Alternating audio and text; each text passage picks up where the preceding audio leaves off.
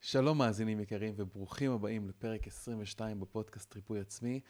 אה, ובפרק הזה אני חייב לתת איזשהו disclaimer טיפה לפני שאנחנו נכנסים לפרק הזה. אה, לפרק הזה יכול להיות מטרגר אולי עבור חלקכם, אז אה, אם אתם יודעים שהנושא הזה של מיניות, נושא של הטרדות או טראומות שקשורות לתחום של המיניות הוא משהו שמפעיל אתכם ומטריג אתכם, אז יכול להיות שאולי זה לא הזמן הנכון, אולי לא הפרק המתאים לשמוע כרגע, אולי תשמעו פרק אחר. בפרק הזה דיברנו באמת על ריפוי של אחד התחומים שהם מאוד מאוד חשובים ועמוקים בחיים שלנו, שבלי לעשות שלום עם התחום הזה, אנחנו לא באמת יכולים לחוות שמחת חיים אמיתית, חיות, שקט, שלום פנימי, שלווה וסיפוק של הצרכים שלנו. אה, ובפרק הזה אנחנו מדברים על מיניות, כי הנושא הזה זה אולי הנושא שפחות מדברים עליו, זה נושא שאולי יכול להציף כל מיני גישות ותפיסות, נושא שהוא בדרך כלל נושא שמערכת האמונות שלנו והתפיסה שלנו לגבי התחום הזה היא לוטה בעלטה ולוטה בערפל, מביא איתו הרבה הרבה פעמים בושה ו- ומקום של סגירות, או מקום של פתיחות או אובר פתיחות. אה, ובפרק הזה ראיינתי את שרה ברהום, ששרה ברהום היא מומחית בתחום הזה של המיניות, אה, היא גם מטפלת אה, בשיטת פרואקטיב, ועכשיו גם עוברת ההכשרה שלה ברפואת על. והיא עובדת עם הרבה הרבה אנשים, יצא לה לעבוד עם המון המון אנשים בשנים האחרונות, ונשים בשנים האחרונות, אני באופן אישי הפניתי אליה לא מעט מטופלים ותלמידים, כדי באמת לעבוד ולרפא את, את תחום המיניות בחיים שלהם. Uh, והתוצאות הן uh, מדהימות, uh, ואני חושב שהפרק שה, הזה באמת מנגיש את הגישה וגם פותח את הדרך לשיח בריא יותר. וגם לעבודת ריפוי על התחום של המיניות שלנו, כדי שנוכל בסופו של דבר להגיע למקום שבאמת אנחנו חווים בריאות, רווחה נפשית ורווחה גופנית, ואני מאמין שמה שלומדים בפרק הזה אה, לוקח אותנו צעד ענק לעבר מקום שקט יותר, בריא יותר, עם רווחה יותר גדולה ושקט נפשי הרבה יותר גדול, אה, ומקום של בריאות בכלל בנפש ובגוף שלנו. אז אה, אנחנו כבר מתחילים, ואם אתם פה פעם ראשונה, אז אני מזמין אתכם לעקוב אחרי הערוץ, אחרי, אחריו אתם עוקבים, אם אתם ביוטיוב, אז תלחצו על subscribe. אה, אם אהבתם את הפרק הזה, תייגו אותו, שתפו אותו, תייגו אותי בסטורי, וככה נוכל גם כן להפיץ את המסר הזה ליותר אנשים, וגם תוכלו להופיע אצלי בסטורי, זה יכול להיות אחלה ונחמד. אז פתיח, ונתחיל. ברוכים הבאים לפודקאסט ריפוי עצמי, שיחות לרווחה נפשית וגופנית. מחקרים מראים שלגוף שלנו יש את היכולת לרפא את עצמו, אבל ריפוי הפך להיות משהו מסובך, קשה ותלותי מדי. עם הפודקאסט הזה אני מכוון להפוך ריפוי עצמי למשהו קל, פשוט ונגיש. ריפוי עצמי היא תוכנית שנותנת כלים, השראה וגישות חדשות על מנת לתמוך ולהגביר את היכולת הטבעית של הגוף ושל הנפש שלנו לרפא את עצמם. אני דן לוסטיג, המנחה של הפודקאסט הזה. לפני 11 שנים ריפאתי את עצמי מבעיה שהרופאים הגדירו כמחלה כרונית לכל החיים, ומאז יצאתי למסע של מחקר שבו גיליתי כלים ותובנות שאפשרו לי לרפא את עצמי בכל כך הרבה מובנים. מאז אני מטפל, מלמד ומכשיר מטפלים ברפואת על, שיטה מבוססת מחקרים שמטפלת באופן ממוקד בגורמים הרגשיים שמייצרים סטרס ומחלות ומאפשרת להגיע לרווחה נפשית וגופנית ביעילות ובמהירות. ריפוי עצמי? מתחילים.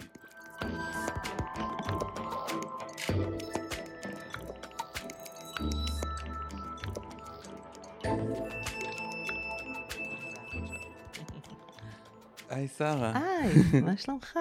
יופי, כיף שאת כאן. כיף להיות פה ביג ביג טיים. ממש מתרגשת. ונרגשת להיות כאן, במרחב הזה. אני רואה את המסע שלך בשנים האחרונות, את יודעת, אני כזה עד.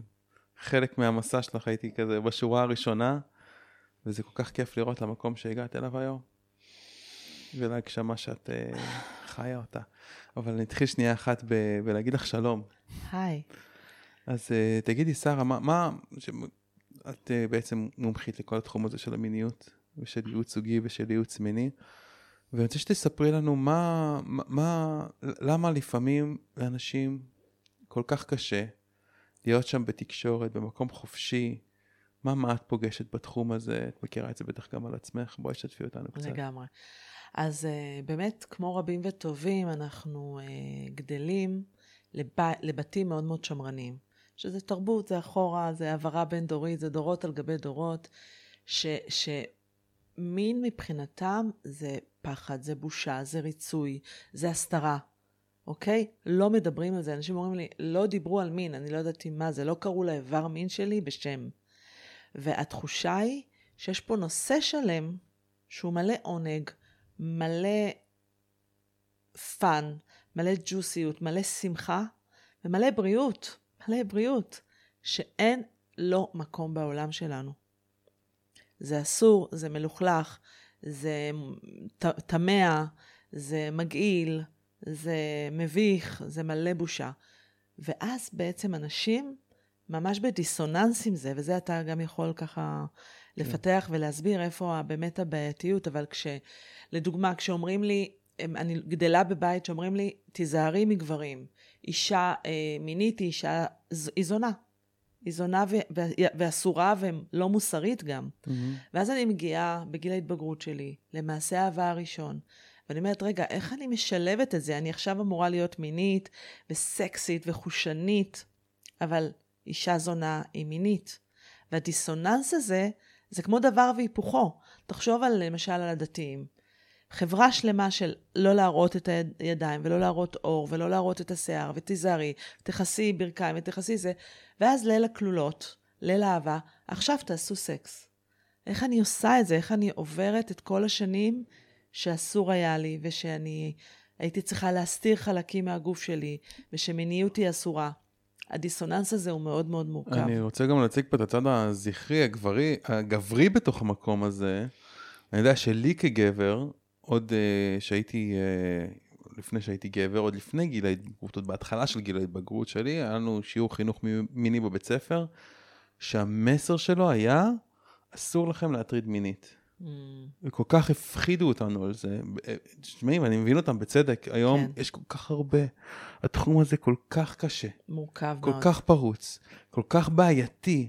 אנחנו חברה, אני, אני אגיד לך ככה, מעטות אנשים שפגשתי, מעטות מאוד אנשים שפגשתי, שלא עברו איזושהי הטרדה מינית. אני אומרת, מעטות. אני אומרת שאם לא גדלת בבועה, בועת ברזל כזאת שסגרו אותך כן. בכלוב, אין אישה שלא עברה הטרדה מינית, ואני מגז... אפילו הולכת יותר רחוק, שכשאישה אומרת לי, מעולם לא הטרידו אותי מינית, אני אומרת, האישה בניתוק. ברמה הזאת. היא לא מבינה מה זה הטרדה מינית. הטרדה mm-hmm. מינית יש לה כל כך הרבה צבעים. אני יכולה להגיד שאני הוטרדתי מאות פעמים. מגיל שמונה הוטרדתי מינית. וואו.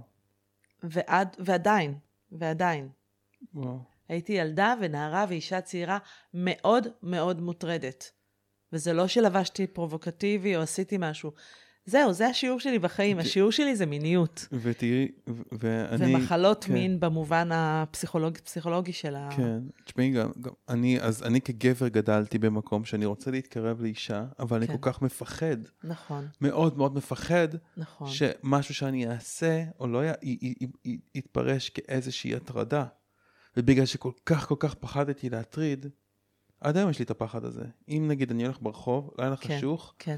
אני רואה אישה עוברת כן. מולי, הדבר הראשון שאני חושב, כן. הדבר הראשון שאני חושב, שלא תחשוב שאני איזה אנס או סוטה. נכון, נכון. עכשיו אני אגיד לך, שכשאישה עוברת בסמטה חשוכה, והיא רואה ממול דמות גברית, אתה לא מבין איזה קיבוץ בבטן. זה כזה, הוא בסדר, הוא לא בסדר, הוא הולך לתקוף אותי, הוא לא הולך לתקוף אותי, איך הגוף שלו, מה שפת הגוף שלו. אנחנו מתבייתות על זה כמו נטרפת וצייד. כן, תשמעי, אני, אני לא מאשים אותה, אנחנו חברה מוטרגת, אנחנו חברה אכולת טראומות. וכך אחורה, את כל הזיכרון התאי. אנחנו זוכרות ויודעות על מיליוני שנים שהשושלת הנשית שלנו נאנסה, נלקחה, כן. ושלטו בה. לא לפני כל כך הרבה שנים, ממש לא מזמן. לפני כמה דורות, לפני כמה דורות. בשוודיה לפני מאה שנה עוד אה, לאנשים לא היה זכות בחירה. בשוודיה המהוללת וה... שהיום הם מאוד מתקדמים. כן. שוודיה הייתה אחת האחרונות שהכניסה את אה, זכות הבחירה הפוליטית לנשים. זה לא רק זכות בחירה, את יודעת, ימי הביניים, שזה לא היה לפני כל כך הרבה שנים. ממש לא. ברמה דורית, ברמה דורית, אה, נשים היו נאנסות ברחוב, וזה היה כאילו דבר ברור. נורמלי. גם בתנ"ך, אז מסופר על זה שהגברים היו, אה, הלוחמים היו כובשים, ומה שהם היו עושים, ברור. אחרי שהם כובשים אה, עיר או כפר, הם היו... ברור. קח את, אה, את אונסים. היפנים במלחמת העולם השנייה. הם בנו לעצמם מחנות של שפ- שפחות מין קוריאניות. אוי אוי. והרוסים שנכנסו לברלין אנסו כל אישה גרמנית. יש לזה שם לילדים שנוצרו מהאונס. יש לזה שם בגרמנית. וואו. גרמניות פשוט נאנסו. אוי, זה מזעזע, קשה. זה מזעזע. אז- איך, איך גברים, איך גברים שלטו בזה? הם באו לכפר, כבש, רצחו את הגברים, אנסו את הנשים, והנה, דור חדש נוצר. אוי, זה כל כך קשה. זה קשה. כל כך קשה. אבל אני רוצה מזעזע. להגיד- אני רוצה ושנייה, להגיד- אבל אני יכול להבין איך כחברה, כאילו התפתחנו למקום שכאילו, אוקיי, המיניות זה דבר שהוא כל כך יכול להיות בלתי נשלט. כל כך מוטרג, כל כך יכול להטריג, כל כך יכול לפגוע. אז, ואני אומרת, אז אני אומר שמיניות שחלק זה דבר מהתיקון של... נפלא. כן, כן, שנייה. חלק, מה, חלק מהתיקון שלנו כחברה אנושית נכון, היה לקחת את כל המקום של מיניות רגע אחד ולהוריד את האש הזאתי, כדי שלא נפגע אחד בשני, כדי להציב גבולות ברורים. שאישה תהיה מכוסה טוב ושתהיה צנועה טוב, כדי באמת לשמור על הדבר עליה. כל כך יקר הזה, נכון, שנקרא האינטימיות שלה, הגוף שנקרא שלה. המיניות שלה והגוף שלה. נכון. אז אני חושב שזה זה גם דבר חשוב, שלב חשוב בהתפתחות שלנו כחברה, כל הנושא הזה של הצניעות וכל הנושא הזה של כן גבולות ברורים וכן רק בתוך חתונה שיש קשר ממוסד. אני חושב שזה זה דבר שהוא יכול להיות מאוד נכון לתקופה, לתקופה ההיא שהיה. צריך לעזור ולהגן על הבנות. כן. את יודעת, זה- אני, זה היה פרוץ. אנחנו אומרים את זה ויש גם מקרים שבהם גם גברים מוטרדים מינית, ברור. והוטרדו מינית, ו... ברור. אני רק אגיד שעד גיל 12, אותו אחוז של נערים, אה, של נערות שנאנסות או מוטרדות מינית, זה אותו אחוז עם נערים. עד גיל 12. מגיל 12 אתם הופכים להיות גברים, וכבר פחות קל לתקוף אתכם. וואו. פחות, התוקף יחשוב פעמיים, אבל בואו נדבר שנייה על דברים טובים. וואי וואי, כן, אני כן, רוצה כן. להגיד, שנייה, קשה, בוא- נעשה קשה. שייקינג. במיוחד אנשים שיש להם היסטוריה כזאת במקום הזה, זה- השיחה הזאת יכולה טיפה... דן, אוקיי. תשקשק את האגן. בוא נשחרר.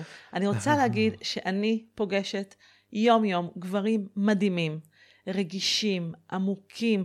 דווקא ההפך, מה שקרה שנשים לקחו את האנרגיה הזכרית כן. והתחילו לשלוט בצורה, זאת אומרת, אה, אנחנו מידלנו את האנרגיה הזכרית והפכנו להיות הגבריות, כן, הזכריות. כן. ואני פוגשת זוגות שדווקא גברים עדינים, רכים, מהססים, לא יודעים איך לגעת, ו- והם צריכים ללמוד את זה. כן. כאילו, קצת העולם השתנה, כן. בדיוק. יש לנו פרק, הקלטנו על זה, ריפוי כן. אנרגיה זכרית ונקבית. אני חושב שזה פרק 19, אם אני לא טועה. כן. אה, מיטל ואני ממש דיברנו על זה, על- כן. על, ה- על הנושא הזה בתוך זוגיות ועל איך, אה, איך אפשר לאזן. אבל בסופו של דבר, אני מאמין שאנחנו, אנחנו, הגיע הזמן, זה לא רק הטראומות מיניות שחווינו, אנחנו עם כן. אכול טראומות.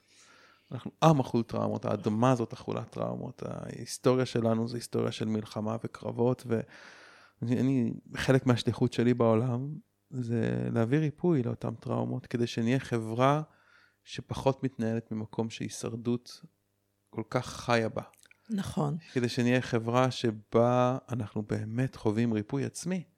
ומה זה ריפוי עצמי? ריפוי עצמי זה אומר שאני יכול לשחרר את הגוף שלי ולהשתחרר מהמטענים הרגשיים שיושבים בנפש שלי כדי באמת להיות במקום חופשי. כי מתי שאני לא מופעל עם כל כך הרבה לחץ ומתח בתחום המיני שלי, אני יודע לתקשר את הצרכים שלי בצורה שהיא מכבדת. ומהנגד. ומהנגד, אני יודע לראות את Let's הבן talk אדם about ש... עונג. כי עד היום, את יודעת, לימדו אותנו, אין כזה דבר מין, מין צריך, חייב להיות בהסכמה. אני אומר שמין בהסכמה זה דבר נוראי. נכון. אסור לעשות מין בהסכמה. לא. מין חייב להיות מתוך מקום של רצון. נלהב. רצון נלהב. רצון נלהב. בא לך? בא לך? כן, בא לי. כן.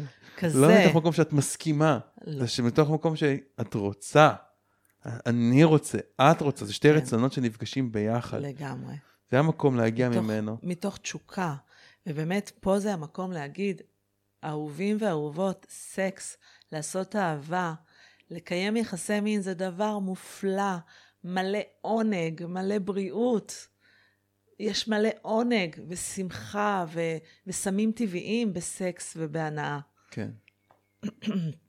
רצון נלהב. כן, הורמונים, זה יכול באמת לעזור לנו להשיג איזון רגשי. זה משחרר מאוד. דופמין, זה משחרר אוקסיטוצין, זה, זה גם, תוך כדי גם יש הורמוני סטרס ומתח שמייצרים התרגשות, אדרנלין, כן. ואנחנו חווים איזשהו, איזושהי, בזמן של מיניות ואקט מיני שהוא פתוח ומחובר ונכון, זה מאפשר למוח שלנו להגיע לאיזון, יש מלא מחקרים שמראים את זה, נכון? לגמרי. אני, אני רק אגיד, למי שלא יודע שדופמין זה הורמון ההיי, ואוקסיטוצין זה הורמון האינטימיות והאהבה. וה- עכשיו, והאמון, והאמון. יש על זה פרק, כן. כן. עכשיו, אני אומרת, אנחנו מכורים לסטרס, אהובים, אנחנו תרבות שמכורה לסטרס, דיברת על לחץ, כן. הישרדות, תוקפים אותנו, זורקים אותנו לים. בואו נחליף התמכרות בסטרס להתמכרות באהבה. אה, איך? איזה דבר מדהים. תעשו אהבה. לא. תעשו אהבה איטית, שחררו את המטרה לחדירה ולחבירה, ותעשו אהבה, לאט, בעונג, בסקרנות. כן. את- את יודעת, אה, לפעמים אנשים כל כך רחוקים מזה, גם אם הם בזוגיות או לא בזוגיות, לפעמים המקום הזה של לעשות אהבה הוא רחוק מהם. אבל שנייה אחת לפני זה, אני רוצה רגע כן. אחד לדבר. את, מד- את מביאה הרבה את הצד הנקבי בתוך המקום של המערכות יחסים ושל המיניות, ואני יודע שאצל גברים, אצל הרבה גברים, יש גם כן המון נושאים של חרדה ושל לחץ ושל מתח ושל רצון לספק את הסחורה בתחום המיני ובאיך אני איראה ואם אני אשפוך אה, מוקדם מדי או לא אשפוך מוקדם זקפה, מדי, תהיה לי זקפה, לא תהיה לי תיפול זקפה. באמצע, היא לא תיפול, אני אצליח להחזיק מעמד. ו... וגם פה הנושא הזה, יש פה מקום גם כן, את יודעת, אמ, כשהתחלתי את הקשר שלי עם מיטל, כן, אז הנושא המיני היה מאוד מאוד מאוד, אה, היה מאוד מאוד, אה, משמעותי. היה לנו אחלה, אחלה מיניות, אבל בהתחלה הנושא המיני היה כאילו מאוד מאוד טעון. כן, היה נקודות לפעמים שכאילו אני רציתי והיא לא רצתה ו- וזה נורא נורא אכזב אותי והרגשתי שלא רואים אותי או היה נקודות כאילו ש... אה, אה, שהיה שם איזשהו המון מתח במיטה המון מתח שמצד אחד הוא יכל לקחת אותו למקום טוב אבל מצד שני הוא הביא לפעמים למ... לכאילו להתנגחויות פיצוצים בתוך לפיצוצים המיטה. בתוך המיטה ואז הלכנו לאיזושהי סדנה. זאת הייתה סמדר מילר, אוי, סמדר, המהממת. סמדר מהממת. סמדר מילר מהממת. אה, ובסדנה הזאת היא אמרה, הנה הכללים למיטה. אז קודם כל, כשנכנסים למיטה, אין חייב, אין חובה לשום דבר. אתה לא חייב לספק אותי, אתה לא אחראי על הסיפוק המיני שלי, אני. לא אחראית על הסיפוק המיני שלך. אין, אין, אין חובה לכלום. אין, אה, לא צריך להגיע לשום מקום. נכון. לא צריך לכבוש שום יעד, לא צריך, ו- ו- והנה, זה הזמן לפטר אחד את, הצריך, השני, את הצריכים. לפטר אחד את השני מהתפקיד של להיות מי שאמור לספק אתכם במיטה. לגמרי. המון גברים נכנסים למיטה עם, עם נשים, עם אישה, והם אומרים, אוקיי, אני חייב לענג אותה, אני חייב לספק אותה, אני חייב שתהיה לי זקפה, אני חייב להחזיק את את את השפיכה שלי. כן, כמה לחץ ודיכוי מיני יש על גברים. כן. אוקיי, גם אל תראה רגשות, אל תבכה, זוכרים, כילדים, תהיה חייל טוב וגם תהיה מפרנס.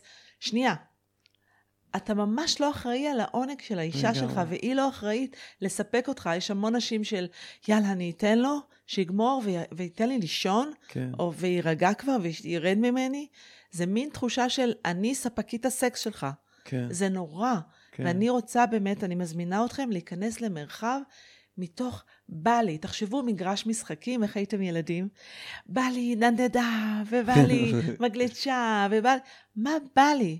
בואו תזרמו או עם שבא לי זה. ללכת לישון ולא בא לי לעשות אהבה גם, היום. בא לי להתקרבל. כן, בא לי להתקרבל, ולא, לא בא לי לעשות סקס. כן. גם אם את תתחילי להתחרמן או להידלק או כן. זה.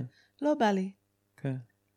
יפה. ואני, מאז ש, שכאילו, רק שמענו את המשפטים האלה, וכאילו, נתנו לנו מקום, אף פעם לא, לא, לא לימדו אותנו את זה בשום מקום. לא מלמדים את זה. לא מלמדים. אני מלמדת. את מלמדת את זה. נכון. אבל לא מדהים. מלמדים את זה. אתה יודע, פעם לימדו ש- אותנו בחינוך מיני, מחלות מין וקונדומים. כן. היו באים ומראים איך מלבישים על, קונדום. על מלפפון, אני זוכר, אני הדגמתי. אני הדגמתי, ואז כל הבנות בכיתה באו, אה, מישהי כזה, כל הבנות כזה, או. כזה, "אה, תגיד, אתה בתול? אתה מומחה. אבל אה, הייתי בתול לגמרי אז. ואז ש... ש...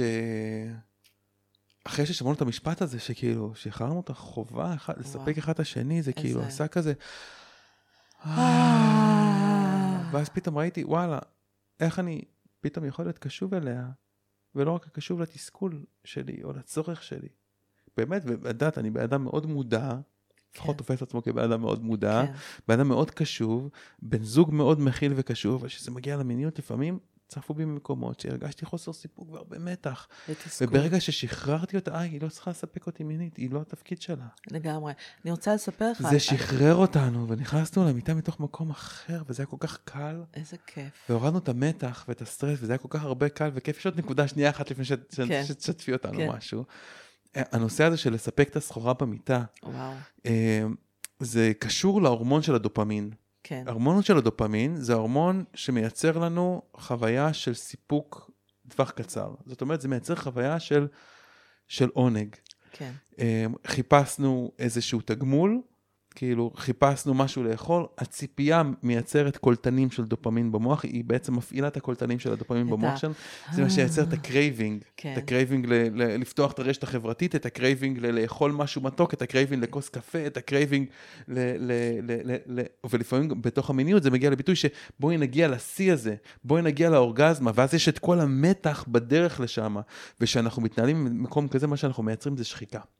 לגמרי. וזה זה גם, אפשר לקחת את זה לעבודה. אם אני הולך ואני עובד, אה, ב, ב, אני, יש לי איזה משימה לעשות, אני יודע שהעבודה הקשה תביא אותי ליעד שאני רוצה להשיג, אבל כל הדרך לשם, אני, אני כאילו במתח. בכוח גם. לא מופרש אצלי דופמין במוח. כן. ושלא מופרש אצלי דופמין. במוח, אני לא חווה עונג מעצם העשייה. נכון. ואז ברגע שאני עושה את כל דבר הזה, עובר סבל, יש פיק גבוה מאוד של, של דופמין. אחרי הפיק הגבוה של דופמין, יש נפילה של הדופמין. ואז אני מרגיש דיכאון. יום, יומיים אחרי שהשגתי את היעד. ושמעתי פודקאסט מרתק מאוד של דוקטור אנדרו הברמן, כן. שהוא אה, נוירו-פסיכולוג, פודקאסט מדהים באנגלית. אה, ו- ו- והוא ממש נתן כאילו כלי מדהים, הוא אמר, תנסה, ואני ישר שמעתי שהוא מדבר את זה, אני חשבתי על המיניות, וזה כל כך אוקיי. נכון, זה אחד לאחד, זה שיעור כן. לחיים.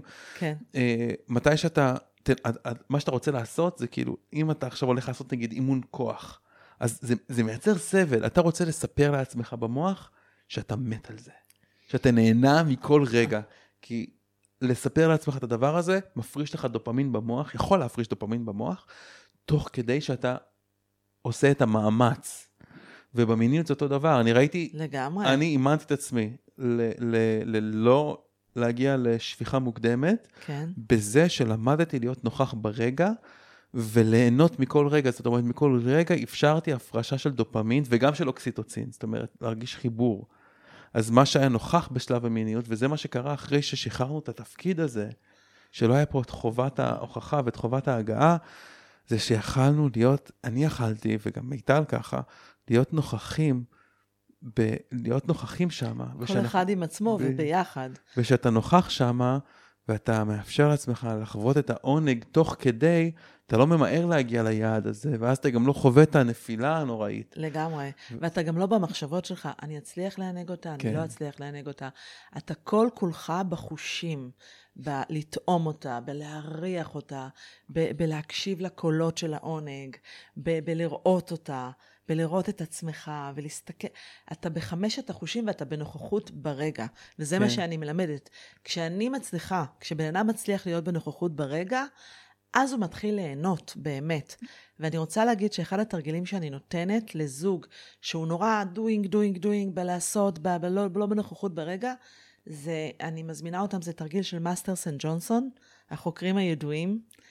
אה, כל אחד יש לו עשר דקות. האישה שוכבת עם בגדים תחתוניים בשבוע הראשון, ואתה פשוט חוקר נקודות עונג אירוגניות בגוף שלה. עשר דקות. והיא רק נותנת לך פידבק סטייל, "מ, נעים לי פה, פה פחות. רק פידבק, ואתה כאילו חוקר אותה כמו ארץ חדשה. וואו. ואז מתחלפים, והיא חוקרת אותך. אין נגיעה בשבוע הראשון באיברי מין, ואין חדירה. רק עשר דקות מעבדה של עונג. מהמם. עורף, צוואר, אוזניים. אוזניים, קרקפת. כמה אה, נקודות אה, עונג יש בגוף שלנו. כמה מפסעות, כתפיים, בטח הזה. הנקודות האירוגניות נמצאות בחיבור של המפרקים, איפה שהמפרקים יש יותר עונג. כאן, יותר מענג מכאן. מהמם. כאן, יותר מענג מכאן. מעניין מאוד. איפה שהמפרקים יש הרבה יותר עונג. וואו. צוואר, מפסעות וכו'. מאחורי הברך זה נקודה נהדרת להעביר עליה קוביית אה, קרח. איזה רעיונות את פותחת פה, שרה. יפה, יפה. אז איך אנחנו, אה, אז נכון, יש את כל ה, מה שדיברנו עד עכשיו, ואיך אנחנו יכולים להיות, שרה, יותר במקום של שלום, במקום הזה של המיניות שלנו, איך אנחנו יכולים להיות יותר במקום של חיבור לעצמנו וקבלה של עצמנו, ו... אז קודם כל, אני מאוד מזמינה גם את הגבר וגם את האישה, או אם זה שתי נשים או שני גברים, את הפרטנרים, אה, להיות בעינוג עצמי. גם. מותר לי לענג את עצמי, זה לא קשור לזה שאת לא מספקת אותי או אתה לא מספק אותי. אני מזמינה אותם לחקור את עצמם לעינוג עצמי. זאת אומרת, למשל, אם גבר, נגיד, מגיע לשפיכה מוקדמת, אני מזמינה אותו לסשנים של, עם עצמו של 20 דקות, ללמוד את נקודת האל-חזור שלך. בוא תתחיל לה- להרגיש, בוא תהיה בנוכחות ברגע, מה קורה בשלב הראשון?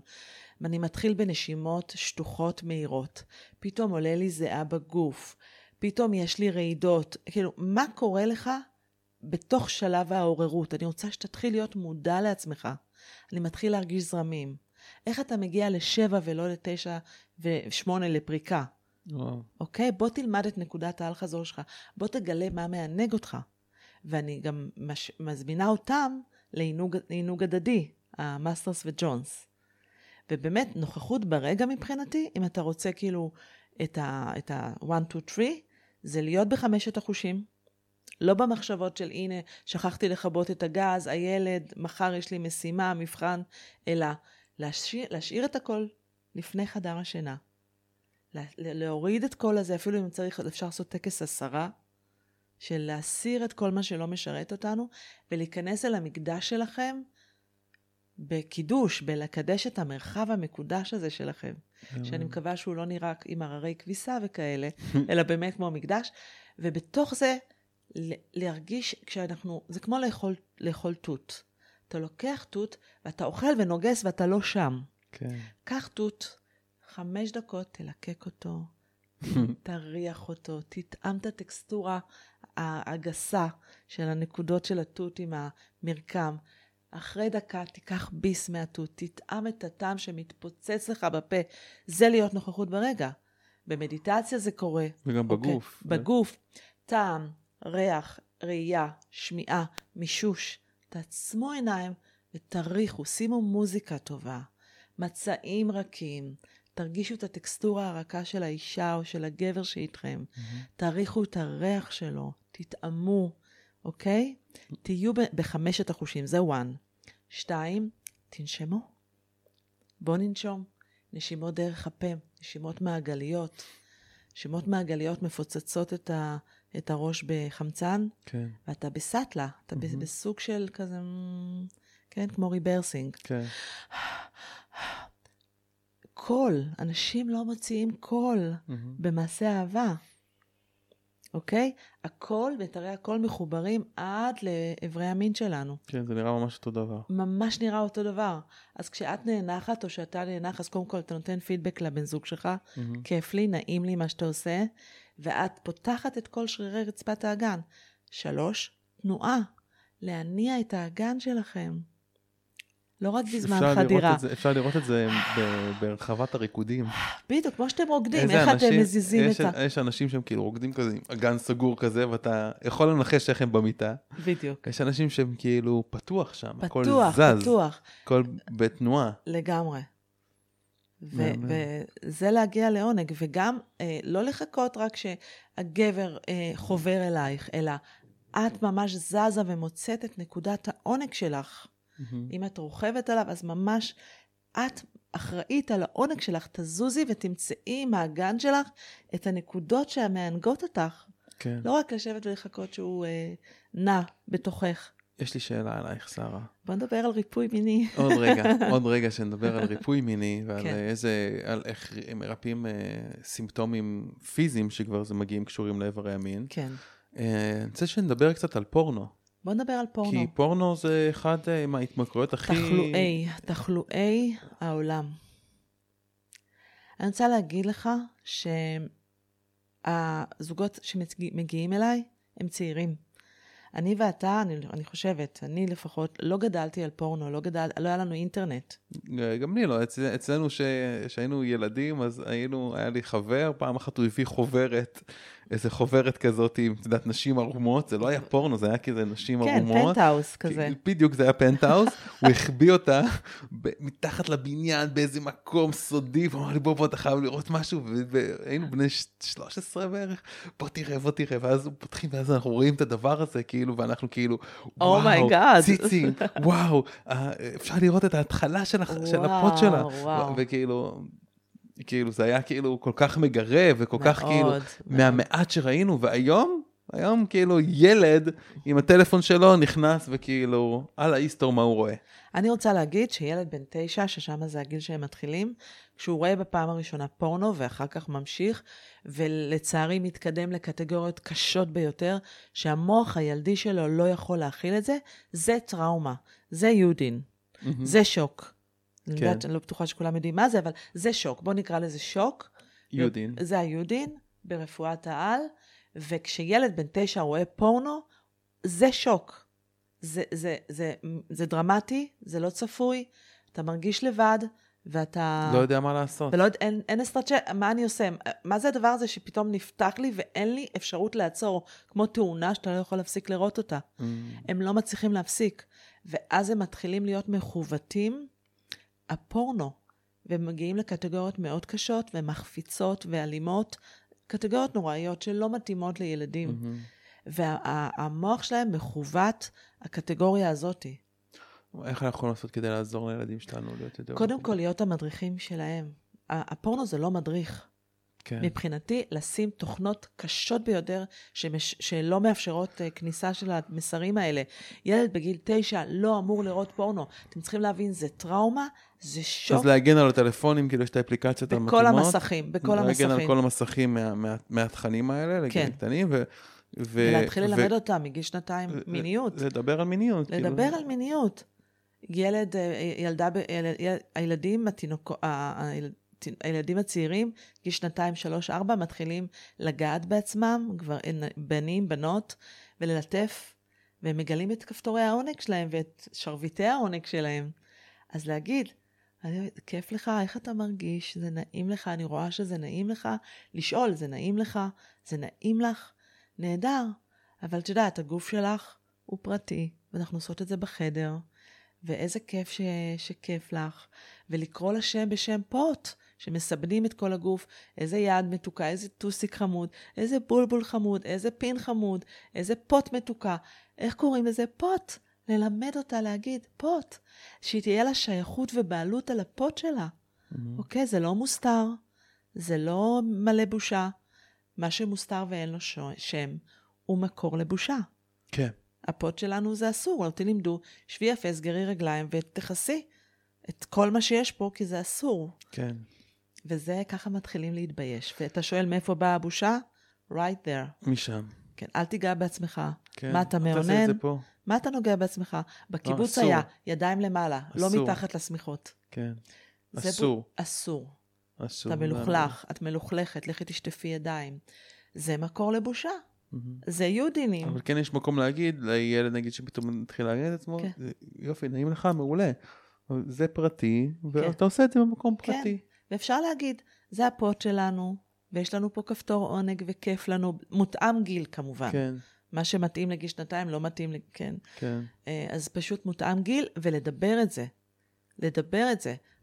יש לי שני בנים מתבגרים, הם סיפרו לי על הזקפה שלהם. הם היו אומרים, אמא, זה גדול, זה קטן, זה מתרחב. והיינו אומרים, כן, וזה טבעי לגמרי. אפשר לדבר על זה בטבעיות. כן. מה לא טבעי בזקפה? מה לא ט- עכשיו טבעי בשביל בעונג? לדבר על זה בטבעיות אנחנו צריכים לרפא את עצמנו. אנחנו קודם כל צריכים לרפא את כן, עצמנו, כי ואני אנחנו... אני זוכר את התקופה הזאת ש- שנגיד אני, אה, לא יודע, לפני איזה עשר שנים אולי, ממש אה, הייתי, ב, ב, רציתי לראות מה מפעיל אותי במקום המיני. כן, כי ראיתי שהייתי נגיד אה, שופך מהר, כן. אז מה שעשיתי זה פשוט עצמתי את העיניים כי אני יודע, למדתי אז כבר היה לי את הכלים של רפואת על זה היה בדיוק בתקופה שלמדתי את הכלים האלה. כן. עצמתי את העיניים ופשוט ראיתי את עצמי בתוך הסיטואציה וראיתי איזה רגשות עולות בי לאורך כל הסיטואציה. ומצאתי את הטריגרים שלי ומצאתי את הטראומות שלי ומצאתי, הגעתי לטראומה של הברית, וואו, שבתכלס היא לא הייתה טראומה כזאת גדולה. אוקיי. בשבילי היא לא הייתה טראומה כזאת גדולה, אבל הגעתי לזיכרון הזה של הברית, שכאילו, היה שם טיפה חוסר אמון, היה שם אה, מקום שכאילו, זה יודין וואחד יודין. זה וואחד יודין, זכרתי את הרבי מוצץ במלואו. לי. כן, כי הם כן, כאילו הם- עושים הם- משהו, הם מוצצים כדי כן. להעלות את העורלה. הם מוצאים את זה. הסוף זה נורא. זה, כן, זה, זה, זה, זה זיכרון שהיה שם. כן, זה לא היה כזה טראומטי בשבילי, אוקיי. מבחינת טראומות אחרות ודברים אחרים שהיו, שהיו שם, אבל ניקיתי את, ה, את, ה, את המידע הזה, וניקיתי את האנרגיה הכלואה שם, עם רפואת על, ואחרי שניקיתי את האנרגיה הקבועה שם, האקטים המיניים הפכו להיות הרבה יותר נעימים. יכלתי להיות נוכח. יכלתי לא לאבד את עצמי. יכלתי לא ללכת לאיבוד בתוך מחשבות שלי רוב הזמן, כן, רוב הפעמים, רוב כן, הפעמים. כן. הנה, יש יום של לחץ וסטרס ומתח, ברור. בתקופה נמוכה, זה גם משפיע, ברור. אבל, אבל זה ממש פתח לי. פתח וואו. לי את הדלת. וואו. למקומות אה, באמת אה, מדהימים שהצלחתי באמת לרפא את הסטרס שכיווץ אותי ותקע אותי. אבל אני רוצה שנייה אחת שנחזור לדבר על, על, על, אה, על הפורנו. כי אוקיי, אז דיברנו על פורנו בהקשר של ילדים, כן. בהקשר של מבוגרים, כי אני יודע שאולי בעיקר גברים, יש הרבה התמכרויות לנושא הזה של פורנו. ברור, ברור. רמת ההתמכרויות עלתה ברמות מטורפות. אנשים מוציאים ים בכסף על, על, על סקס ועל cyber sex ועל זנות, אה, גם אם היא דיגיטלית, כן, בצ'אטים וכאלה.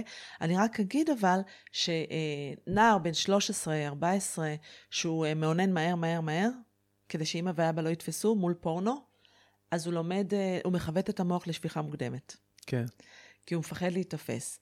ואז הם מגיעים ועושים אהבה עם אישה והם גומרים, הם, הם, הם מגיעים לשפיכה מוקדמת. כן. ועכשיו צריך להתחיל לכוות את המוח, להאט, כן. אוקיי? אז זה דבר אחד. דבר אז שני, אולי עדיף, אם עינוג עצמי כבר, אז עדיף בלי עזרים חיצוניים, בלי, בלי, פורנו. בלי עזרים חיצוניים, אני מזמינה, אני, אני מלמדת את הילדים שלי לפנטז. אומרת להם, בואו תפנטזו. אה, תעשו הפסקות. אוקיי, יש פורנו? הם כבר מתבגרים, אתה כן. יודע. יש פורנו, זה קיים. נוח להם לשמוע את הדבר הזה? אנחנו? מדברים על הכל.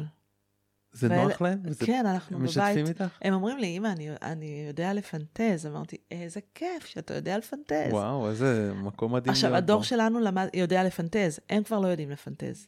הם רק מול התמונה. אתה מבין? עכשיו, ההתמכרויות זה דבר נוראי, ההתמכרויות לפורנו. זה, זה מגיע למצבים שגברים שוכבים עם נשים, במקרה, אם הם מצאים הם שוכבים, ואז הוא רץ לפורנו ועושה עוד שפיכה. עכשיו, שלא לדבר שהוא גומר לעצמו את האנרגיה. מהמם. כל שפיכה זה אנרגיה שיוצאת מגבר ומתישה אותו, ורק לוקח עשרה ימים אחר כך שהוא מתחיל להעלות את האנרגיה. כן ולא, אני יכול להגיד כן אוקיי, ולא. לפני בסדר. איזה כמה חודשים, כן. הייתי בפסטיבל בינלאומי כזה, ב-A-Fest של כן. Mindvalley. פגשתי אנשים באמת מדהימים, כן. הטופ של הטופ בעולם, באמת, כן. אנשים מדהימים. אני רואה בחור, אני רואה ילד בן 23. נראה בן 23, כן, חשבתי שהוא בן 23, ואני מדבר איתו, ומה העניינים, וזה איש מדהים, בחור מדהים, מספר לי על אפליקציה חדשה שהוא פיתח. שואל אותו, מאיפה יש לך את הכסף? אה, כבר, כבר עשיתי, כבר עשיתי אקזיט של אפליקציה כבר אחרת, והנה, תראה, זה... ו- ואני אומר, רגע, בן כמה אתה? הוא אומר לי, אני בן 42. וואו. והוא נראה בילד בן 23, ואני שואל. אותו, תגיד, איך אתה נראה כאילו כל כך צעיר, מה הסוד שלך, מה אתה כאילו, כנראה אתה עושה משהו טוב. הוא אומר, אני מענג את עצמי פעם ביום. וואלה. אני אומר, מה, ואתה שופך? כן, ואני שופך, ואני מענג את עצמי פעם ביום, לתת לעצמי אהבה. ואני אומר, זה שבר לי מיתוס, כאילו, אמרתי, לגמרי. ואמרתי לו, רגע, זה שובר לי מיתוס, כאילו, אני מכיר, כאילו, לשפוך זה מוריד לך את האנרגיה, כן. הוא אומר, לא, במקרה שלי לא. כי אני- הוא מענג את עצמו, כי כי אני הוא לא מכניס שם. אהבה. כן, כי אני לא מאמין שזה מוריד לי אנרגיה, זה נותן לי אנרגיה. אמונה זה יוצרת נותן לי כוח, אני עושה את זה מציאות. לפחות פעם או פעמיים ביום, הוא אומר לי. וואו. אמונה יוצרת מציאות. ושאלתי רגע, ואתה שופך? כן, אני שופך. אבל אתה מבין את ההבדל בין לשבת מול פורנו, בכלל לא לאהוב את כן. עצמך, to jerk off, לאונן, כן. ולגמור בלי, לה- כמו אפצ'י. אתה מרגיש כמו כן. אפצ'י, אין לך שום... פה הוא עושה אהבה עם עצמו. נכון. אתה מבין את ההבדל? הבדל אדיר. זה מה שאני אומרת, בואו תעשו אהבה עם עצמכם. כן. זה העניין. ההתמכרויות הן קשות ביותר, ומי שמאוד מאוד מכור לפורנו ושומע את זה, אני מאוד ממליצה גם ללכת לטיפול של רפואת העל או תת-מודע, מה שאנחנו מטפלים אה, בשיטת פרואקטיב, או, ובנוסף, ללכת ל-12 הצעדים. התמכרות בפורנו היא קשה, כי הדילר נמצא שם 24 שעות פתוח, בחינם. בחינם. הדילר פתוח for you, אתה לא צריך לנסוע ללוד להביא את הסם. פתוח, 24/7. קשה מאוד, קשה מאוד התמכרויות אני מבין. שזה אולי גם יכול להיות לאו דווקא קשה. בוא נפתח את האפשרות שזה בוא לא נפתח קשה. שזה פשוט, בוא נפתח את האפשרות שזה לא חייב להיות קשה. בוא לא. נפתח את האפשרות שאפשר פשוט לקבל החלטה שרגע אחד אני מפסיק עם הדבר הזה. ומטפל בעצמי, ו- מפרק את ה... ובמקום, במקום להגיע לצורה כזאת של עוררות ושפיכה, כן, להגיע למצב של עוררות ושפיכה שלי עם עצמי, להסתכל על המראה, לעוף על הגוף שלי, להעניק לעצמי אהבה. להעניק לעצמך אהבה זה נהדר. המתמכרים לפורנו, זה משפיע על איכות החיים שלהם. הם מתחילים את הבוקר עם שפיכה ראשונה, רצים לבית ספר או whatever לעבודה, בתוך העבודה הם גם סוגרים את הדלת, עושים עוד, חוזרים הביתה. זה, זה מנהל, מנהל להם את כל החיים, זה וואו. ממש מפריע כבר לאורך כן. החיים שלהם. אז אנחנו רוצים לנהל שבע- פה את מנגנון התגמול, לתת תגמול אחר למוח. נכון. להגיד, אני עושה אהבה עם עצמי. כן. ומדי פעם אפשר לעשות דיאטת פורנו, ולענק את עצמך, ולאהוב את כן. עצמך, ולעצור, להשעות. לא ישר להביא את עצמך, ללטף את עצמך בכל האזורים בגוף. הפטמות הגבריות הן מאוד רגישות, כמו אצל. נשים. כן. צוואר, המפסעות. חכה לפני שאתה רץ לאיבר המין, גם במעשה כן. אהבה עם אישה. לעשות משחק מקדים עם עצמך. לעשות הרבה הרבה אהבה עם עצמך, לפני שישר עוברים לאיברי מין. מהמם. שרה, אני רוצה עכשיו שנדבר טיפה על הנושא של ריפוי, כי, כי בסופו של דבר, גם גדלנו בסביבה כזאת, וגם, או לפעמים יכול להיות מאוד עוד שנוצרו מצבים שבהם אנחנו רחוקים מעצמנו, כן, רחוקים מהמקום הזה של מיניות, ועכשיו בטח אחרי שכבר שמענו את כל מה שכבר דיברנו עליו בפרק הזה, יש מקום הרבה יותר, להרבה יותר פתיחות עם עצמנו והרבה יותר נחת, כי אני, אני שומע שיש פה כאילו הרבה מקום של אפשור. מותר לי להיות מיני, מותר להיות עם עצמי, מותר לי לענג אותי, מותר לי להיות במקום של עונג. לגמרי, אישור לעונג. כן, יכול להיות שבמקביל עדיין יש עוד דברים שתוקעים ו- ו- וכאילו, ויושבים שם, ולפעמים שאנחנו לא באמת, אה, אה, לא באמת קשובים לעצמנו, ויש הרבה מטענים שיושבים שם, זה בא לידי ביטוי בסופו של דבר ככל מיני בעיות פיזיות ומחלות פיזיות, זה יכול להיות דלקות בשתן, זה יכול להיות פטריות, זה יכול להיות מחלות מין, זה יכול להיות גם אצל גברים, כן, נושאים בערמונית, כן, אה, ערמונית מוגדלת, כן. אה, זה יכול להיות אה, נוס, דברים ברחם, פפילומות למיניהם, אנדומטריוזיס, כאבים באנרטי. שחלות פוליציסטיות, מכיר הרבה מקרים כאלה, עברו אצלי לא מעט כן. מקרים כאלה, חלקם גם חוו הצלחה פנומנלית וגם אצלך אני יודע. כדי שנקדיש את החלק הזה של הפרק כדי אה, לדבר שנייה אחת על המחלות ועל... כן. אה, אה, אז אני רוצה להתחיל ולהגיד קודם כל, שכשאנחנו מנותקות, אני אדבר נשית, אבל תתייחסו לזה כמו גברית, כשאנחנו מנותקות מהגוף שלנו, ויש ניתוק בין הראש לגוף, ואנחנו מספקות סקס, ואנחנו עושות סקס, ואנחנו לא מחוברות לעצמנו, ואנחנו מקיימות או מקיימים יחסי מין שהם לא מתאימים לנו. לרגע לא עצרנו ושאלנו, בא לי לחבור לאישה הזאתי? בא לי שהגבר הזה יחבור אליי? כרגע. כרגע, ברגע זה, ו- ואנחנו לא מקשיבות לפוט שלנו, לא מקשיבים לפין שלנו, ללי, אני קוראת לזה לינגאם ויוני, לאיבר המין, לאיברי המין שלנו, אנחנו לא מקשיבים להם. ואם היינו קשובים, היינו מרגישים את הקיבוץ הזה שלא בא לי, שורף לי, לא מתאים לי, אני לא מספיק מגורה, לא בא לי, בא לי לקום וללכת עכשיו מהמיטה. אז מה אם אנחנו באמצע? כזה. ובעצם מה אני עושה פה, ומה מה אני עושה פה בעצם? בכלל לא רציתי להיות פה. כאילו, לא, לא נמשכת, לא רוצה, לא בא לי, אוקיי? כשאנחנו לא קשובות ליוני, ואנחנו אה, לא מדויקות איתה, ואנחנו כופות עליה אה, חדירה אליה ומגע בה, בצורה לא מדויקת ולא נכונה, אז היא מתחילה לדבר איתנו. עכשיו, אם אנחנו מקשיבים, הגוף תמיד מדבר. היא יכולה בהתחלה לשלוח דלקת שתן קלה, אבל אנחנו לא מקשיבות וממשיכות לקיים יחסי מין מנותקות ממה נכון לי, מה לא נכון לי, מה נעים לי, מה לא נעים לי. יכול להיות שהיחסי מין זה טריגר של טראומה שהייתה שם. גם יכול להיות. לגעת באזורים האלה כבר מפעיל את כל המידע הרגשי של היהודין שקרה שם. נכון, זה, אם הייתה. שם טראומה מינית למשל, כן, זה לגמרי מופעל.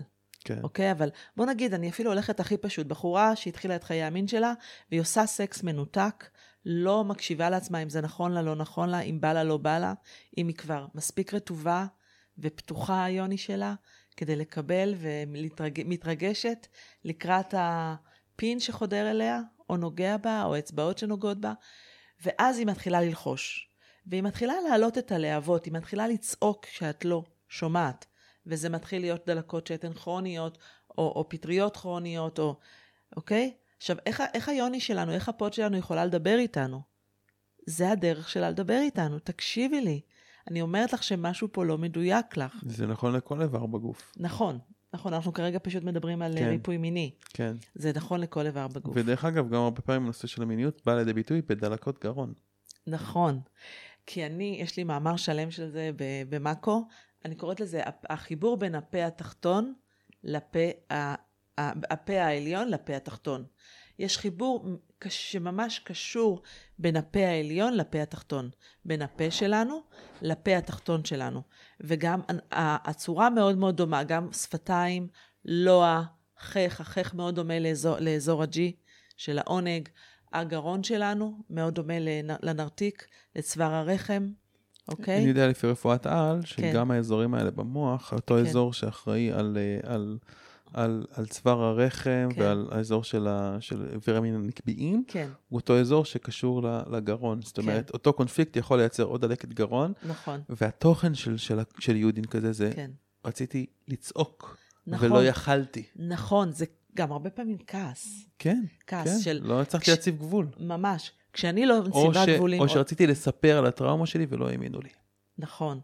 או שרציתי לדבר ולא יצא לי קול, כן, וקפא לי הגרון. כן. עכשיו, כש... בגלל זה אני אומרת, כשאנחנו עושים אהבה גברים-נשים, תאנחו, תוציאו קולות של עונג, תגרגרו, תוציאו עונג. אנחנו, זה מחבר אותנו ישר ליוני ולפין שלנו, לפוט, ואז אה, זה בעצם מתחיל לייצר את, ה, את העונג הזה, את התנועה הזאת של mm, הולך להיות פה כיף, הולך להיות לי עונג, mm, אוקיי? דיברנו, נשימה, קול, אה, אה, תנועה. תוציאו קולות. מהמם. תרשו לעצמכם, אנשים באמת לא מדברים. יש לי עוד שאלה שאני רוצה לשאול. 어, רגע, עוד מעט אנחנו אבל נחזור כן, לדבר זה על זה. כעס וזה כן. מחובר. על- היו לי, אני יכולה לספר על עצמי אם אתה רוצה? כן, אבל שנייה אחת לפני כן. זה, שאלה. כן. מה עם אה, נשים שהן לא מרגישות שהגברים שלהם יכולים לספק אותם במיטה? מה היית מציעה להם לעשות? הייתי מציעה להם, אה, קודם כל הייתי בודקת אם היא מלמדת אותו איך היא אוהבת ומה מענג אותה. מהמם. יש נשים שמענישות גברים, אני אענג את עצמי לבד כשהוא לא שם, ואני לא אלמד אותו מה מענג אותי. זה סוג של הענשה. אותו דבר גם גברים, אני יכול לראות את זה. נכון. עכשיו, בואי תלמדי אותו, בוא תלמד אותי, מה עושה לך את זה? אני אחקור. זוכר את העשר דקות, כן. עשר דקות של מאסטרס וג'ונסון? בוא נחקור אחד את השני. אבל בוא תלמד אותי מה אתה אוהב, ובוא, אחרי שנלמד מה אתה אוהב, בוא נמצא דרכים חדשות של עונג.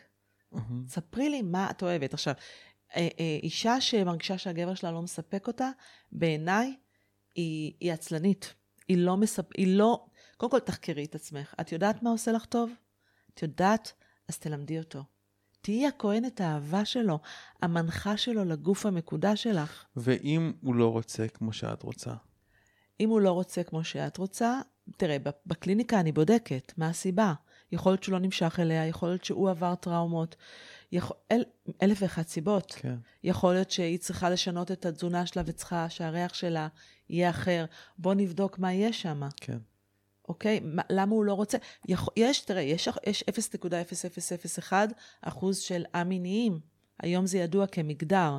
יש מעל 40 uh, מגדרים. BDSM נכנס, סאדו-מאזו, נכנס כמגדר. אין יותר סטיות. אם יש הסכמה בין שניים, אין סטיות. להיות סאדו-מזוכיסט זה כבר לא סטייה, זה מגדר. אוקיי, מעניין. באיגוד הרפואה. אוקיא. אז יש א-מיניים, אנשים שהחשק המיני שלהם מאוד מאוד נמוך. מצד שני, זוג חברים שלי שבמשך 20 שנה ידענו שהוא א-מיני, והיא קיבלה אישור למאהבות, והיא הייתה הולכת וחוגגת את ה... היא הייתה מאוד מינית, וזה היה ידוע שהוא א-מיני. ואז, אח... בגיל 40, אוקיי? שאין ביניהם כמעט מיניות, אבל אהבה מאוד גדולה, הוא עשה בדיקה. ואז הוא גילה שהטסטוסטרון שלו, הורמון המין, נמוך. הגברי נמוך, הוא מקבל פעם בחודש זריקת טסטוסטרון. החיים שלהם השתנו. אתה מבין על מה אני מדברת איתך? אם כן. היה שם יועץ מיני, אני יועצת אה, מינית וזוגית, שהייתה אומרת, לך קודם כל לבדיקות, בוא נבדוק את הטוסטסטרון שלך. כן. וואו, היא אומרת לי, טבעי- שרה, חיי המין שלנו, כאילו, זה, זה לא, זה, אנחנו, הכל השתנה. מהמם. באופן טבעי, רמת הטוסטסטרון של גבר יורדת עם השנים. נכון. אנחנו יכולים לעשות דברים כדי להרים אותה. נכון. בין אם זה כושר גופני, לשים את עצמנו במצבים שאנחנו חווים מתח ודוחפים את עצמנו כגברים, וגם כנשים, דוחפים את עצמנו מעבר לאזורי הנוחות שלנו, הולכים להשיג יעדים, עושים דברים שהם זכריים במהות שלהם, באופן כן. טבעי הגוף יסתגל, כי הוא מבין, יש פה מצב שאני צריך להביא יותר טסטוסטרון, כן, זה יעלה את רמת הטסטוסטרון בדם ובגוף. נכון. הגוף אה, ייצר יותר, אלא אם כן יש שם בעיה פיזיולוגית או נכון. איזה טראומה שיושבת שצריך לטפל בה קודם. אה, אז אפשר לעלות את רמות הטסטוסטרון בגוף, אבל זה בהחלט אה, יכול להיות אחלה, אחלה סיבה. כן. אתה קולט, כאילו, לכו תבדקו. כן. אל תישארו תקועים, כואב לך, יחסי מין לא אמורים להיות כואבים. אוקיי? בואו תבדקי. יש, תלכי לגינקולוגית או גינקולוג שמומחה לכאבי עריה. מומחה, לא סתם עוד גינקולוג. כן. המון נשים, 30% מהנשים כואב להם באיזשהו שלב בחיים. כי צריך לטפל בטראומות שיושבות שם, וזה תהליך, וזה דרך שצריך לעבור. לגמרי, לגמרי. אז, אז, אה, אז אתה רוצה שאני אספר זה? כן, אוקיי, אז אני אספר קצת את הריפוי המיני שלי. כן, ואני אספר ש... אז באמת באתי מבית מאוד מאוד שמרן, שהכל שם היה אסור ולא לא היה מגע בין הורים. ובגיל שש, אה, חברה שלי בשכונה הייתה בת שבע, ממש משחקי ילדות, זה התחיל כמשחקי ילדות, אוקיי? והיא פשוט, אה, אני היום בדיעבד יודעת שהיא עברה התעללות, לפי איך שהיא לימדה אותי. והתחלנו משחקי כמו רופא ואחות, אחות ואחות. והיא פשוט לימדה אותי אה, לא- שאני הייתי נוגעת בה ומאוננת לה, ומענגת אותה, והיא הייתה מאוננת לי ומענגת אותי. מגיל שש התחילו לי דלקות שתן. אני זוכרת את אימא שלי, שמה לי את הפיילה הזאת, את הקערה. הייתי יושבת בתוך הקערה עם פולידין, עם כזה חומר אדום, כדי ל- לעשות אה, רוגע לצריבה הזאת בדר... בדרכי השתן, כן. וזה היה שלוש שנים, כמעט יומיומי, עשינו את זה בהיחווה, ידעתי שזה הסתרה. אבל זה היה כאילו, קודם כל היה לי כיף, הייתה לי חברות, סוג של זוגיות אה, ראשונה כזאתי, וגם אה, היה עונג. יודע, ברור שלא מגיעים לאורגזמה בגיל שש, כן? ומה יהיה טראומה שם? אבל היה עונג. הגוף חווה את זה כאביוז. הגוף Mm. חווה את זה כטראומה מינית. ודיברת ברפואת העל על זה שדלקות שתן יכולות להיגרם מטראומה מינית. ולא הבנתי את זה, והגעתי למצב שהיה לי, דל... התחילו להיות לי דלקות שתן כרוניות, ממש כאילו אה, עם דימומים מאוד קשים, הגעתי קשה. לבתי חולים, זה קשור לטראומה שבה לא הצלחתי להציב את הגבול שלי, או לסמן את המקום שלי בעולם כאישה, או להגדיר, או להציב גבול, כי הגוף כן. ברמה הביולוגית מקשר את שתן, איך כלב מסמן את ה- את נכון. המקום שלו בעולם, על ידי מתן שתן, הוא נותן שתן בכל מיני מקומות, וככה הוא מסמן את המקום שלו בעולם. ומתי שיש קונפליקט שבו הרגשתי שאני הייתי צריכה להציב גבול, כן. או לסמן את המקום שלי, ולא עשיתי את זה, לא עשיתי את זה. אז יש ממש התרחבות של, תאי, של התאים בצינורית השתן, וכדי שהגוף יוכל כביכול לתת יותר שתן ושאני אוכל יותר לסמן את המקום שלי. אחרי שהקונפליקט הזה נפתר, דרך אגב, יש דלקת שהיא שלב בעצם הריפוי של הגוף, וה, ה, ה, ה, ה, כי הצינור, הצינורית עצמה מתחילה, התאים שהתרחבו לפני זה מתחילים לחזור לעצמם. אה, אז הדימום הוא גם חלק מהתאים המתים שיוצאים המתים שם. אני אגיד שזה היה כאבי תופת. כן. הייתי, הלכתי עם אה, אנטיביוטיקה קבוע בתיק, לא יכולתי לשבת על סלעים קרים או וואו. לישון בלי תחתונים. זה היה סיוט. כל חודש היה לי דלקת עם דימומים, הגעתי לבתי חולים, ועדיין לא הבנתי ולא הקשבתי לגוף שלי. ואני אגיד גם שזה בהחלט יודין, כי זה היה מפתיע. פתאום ילדה בת שבע מלמד, פותחת תחתונים וזה, מתחילים להנחיות לגעת אחד בשנייה. כאילו, זה היה שוקינג, זה היה מפתיע, זה היה דרמטי, הייתי לבד, ולא היה, לא הבנתי מה קורה. ולא יודעת מה לעשות. לא ידעתי מה לעשות, ובאיזשהו שלב זה הפך להיות רוטינה, אוקיי? כן. ואז מה שקרה, שבאמת בגיל 32 הייתי כבר מותשת מרוב דימומים וכאבי תופת, כבר זה היה קבוע, קבוע, קבוע. והגעתי לשרון קוצר, נטורופט, מי שמכיר ברה, בית ר"א, אה, הגאון, ואז לא ידעתי שיש רפואת על. כן. ואז הוא אמר לי אה, במפגש, אה, מתי זה התחיל? הוא אמר, אמרתי, גיל 6? אז הוא אמר, ומה קרה בגיל 6? אמרתי לו, כלום. הוא, הוא רשם לי רמ, רמד, רמדיה כזאת לשלושה חודשים של עשווה מרפא, דיברת על המים, כן. שזה טיפול במים. והלכתי הביתה, יומיים אחרי זה הייתי במקלחת, במקלחת אני מקבלת מידעים ותקשורים, ובום, הבנתי מה קרה בגיל 6. Mm. ואני אומרת, ברגע שהקשבתי לגוף ואמרתי לו, הבנתי שאתה בטראומה מינית, ואני מקשיבה לך, הבנתי שאתה צועק וצועק וצועק ולא הקשבתי.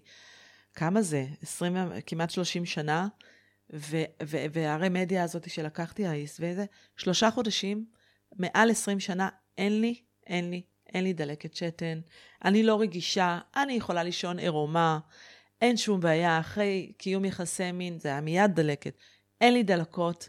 היו היה, היו היה. גם בגלל שאת היום במקום של שלום במיניות שלך. וואו, ממש אני בשלום עם המיניות שלי.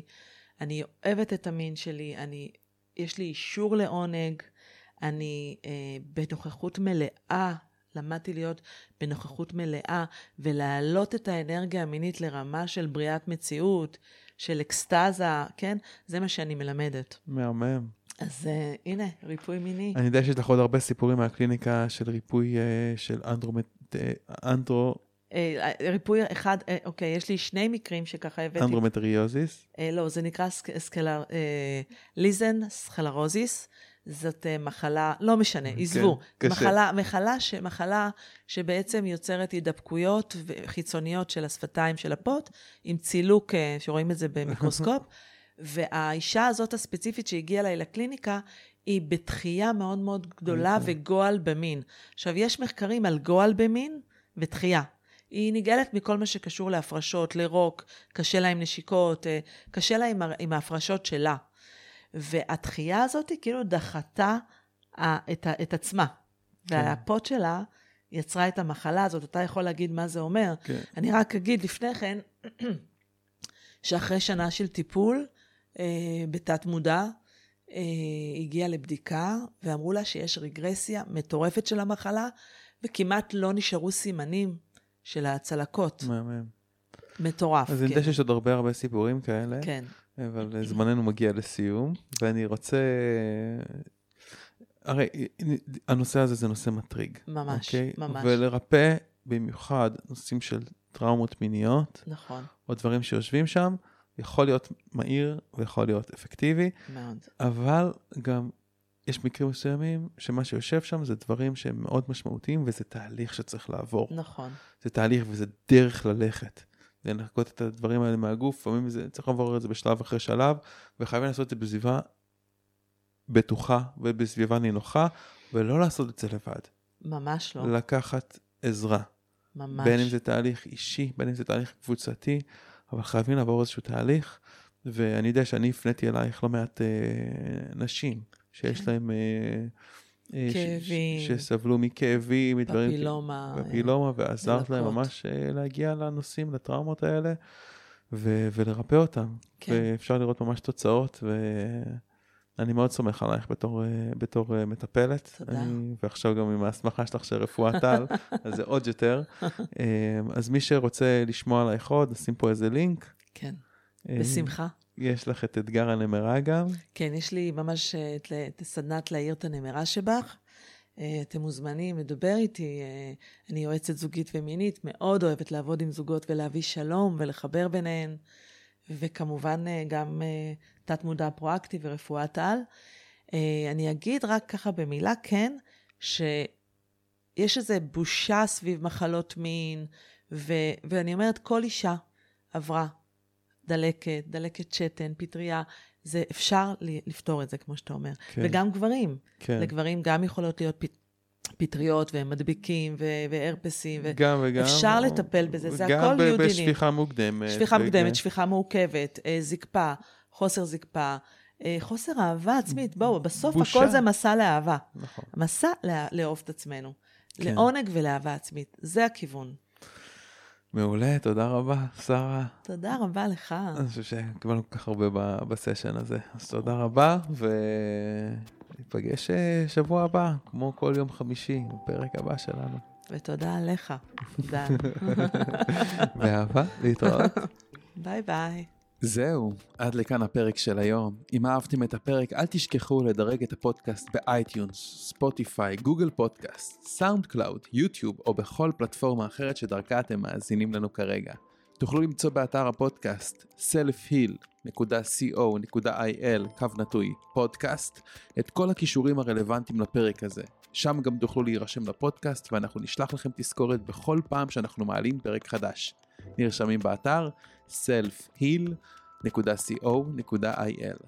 אני מזמין אתכם לכתוב לי תגובות, מה אהבתם, את מי תרצו לשמוע בפרקים הבאים, או כל הערה והערה אחרת שיש לכם. מוזמנים לשלוח לי ישירות למייל דן שטרודל selfheal.co.il או בפייסבוק שלי facebook.com קו נטוי רפואת על.